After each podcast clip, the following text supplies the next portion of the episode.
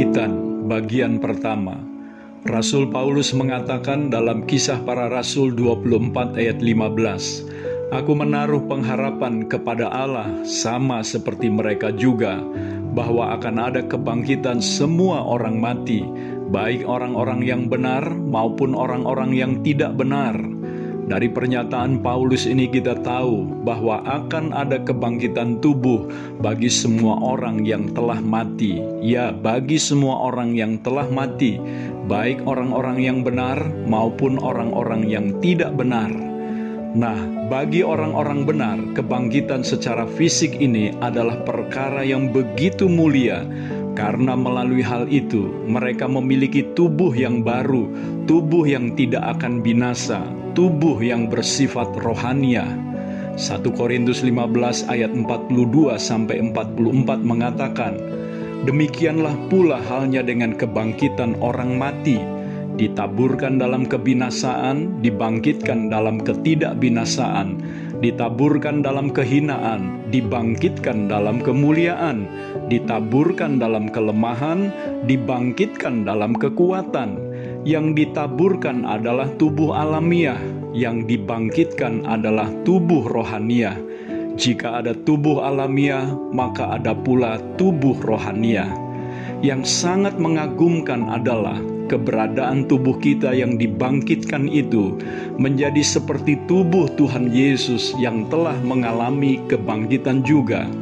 Filipi 3 ayat 20 dan 21 karena kewargaan kita adalah di dalam sorga, dan dari situ juga kita menantikan Tuhan Yesus Kristus sebagai Juru Selamat yang akan mengubah tubuh kita yang hina ini sehingga serupa dengan tubuhnya yang mulia menurut kuasanya yang dapat menaklukkan segala sesuatu kepada dirinya Perhatikanlah Filipi 3 ayat 21. Dari ayat ini kita tahu siapakah yang akan membangkitkan dan mengubah tubuh kita yang hina ini menjadi serupa dengan tubuhnya yang mulia, yaitu Tuhan Yesus sendiri berdasarkan kuat kuasa yang ada pada dirinya.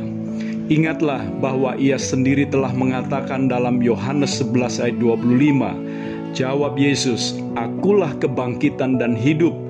Barang siapa percaya kepadaku, ia akan hidup walaupun ia sudah mati. Dari kebenaran-kebenaran ini, saya ingin menambahkan satu catatan lagi mengenai kematian orang percaya, yakni bukan hanya keindahan, kehormatan, kemuliaan, berkat, dan keuntungan yang tiada tara Kematian orang percaya juga mengandung sebuah pengharapan yang sangat mulia, yakni dibangkitkan secara fisik dengan tubuh yang mulia seperti tubuh Tuhan Yesus sendiri. Dari tubuh yang hina diubah menjadi tubuh yang mulia. Apakah saudara dapat merasakan betapa luar biasanya anugerah Tuhan bagi kita sebagai orang percaya? Keadaan kita di dalam kekekalan bersama Kristus sungguh tiada taranya. Saya mengajak kita semua untuk lebih sering memikirkan dan merindukannya. Jangan salah menduga, saya tidak bermaksud supaya kita berharap segera dipanggil Tuhan pergi ke sana tetapi memikirkan keadaan kita di dalam kekekalan yang penuh dengan berkat dan kemuliaan akan menolong kita untuk tetap bersuka cita di dalam menghadapi segala kesulitan dan penderitaan di dunia ini. Seperti pernyataan Rasul Paulus di dalam 2 Korintus 4 ayat 16 sampai 18. Sebab itu kami tidak tawar hati. Tetapi meskipun manusia lahiriah kami semakin merosot, namun manusia batiniah kami dibaharui dari sehari ke sehari, sebab penderitaan ringan yang sekarang ini mengerjakan bagi kami kemuliaan kekal yang melebihi segala-galanya, jauh lebih besar daripada penderitaan kami, sebab kami tidak memperhatikan yang kelihatan, melainkan yang tak kelihatan karena yang kelihatan adalah sementara, sedangkan yang tak kelihatan adalah kekal. Saudaraku, memperhatikan perkara yang kekal akan membuat kita seperti Paulus yang menganggap penderitaan yang dialaminya sebagai penderitaan ringan saja yang justru mengerjakan bagi dia kemuliaan kekal yang melebihi segala-galanya. Di dalam kalimat Paulus ini terkandung pengharapan akan kebangkitan yang akan dialaminya. Demi pengharapan akan kebangkitan inilah Paulus kemudian mengatakan, "Sebab itu aku senantiasa berusaha untuk hidup dengan hati nurani yang murni di hadapan Allah dan manusia." Kisah para Rasul 24 ayat 16.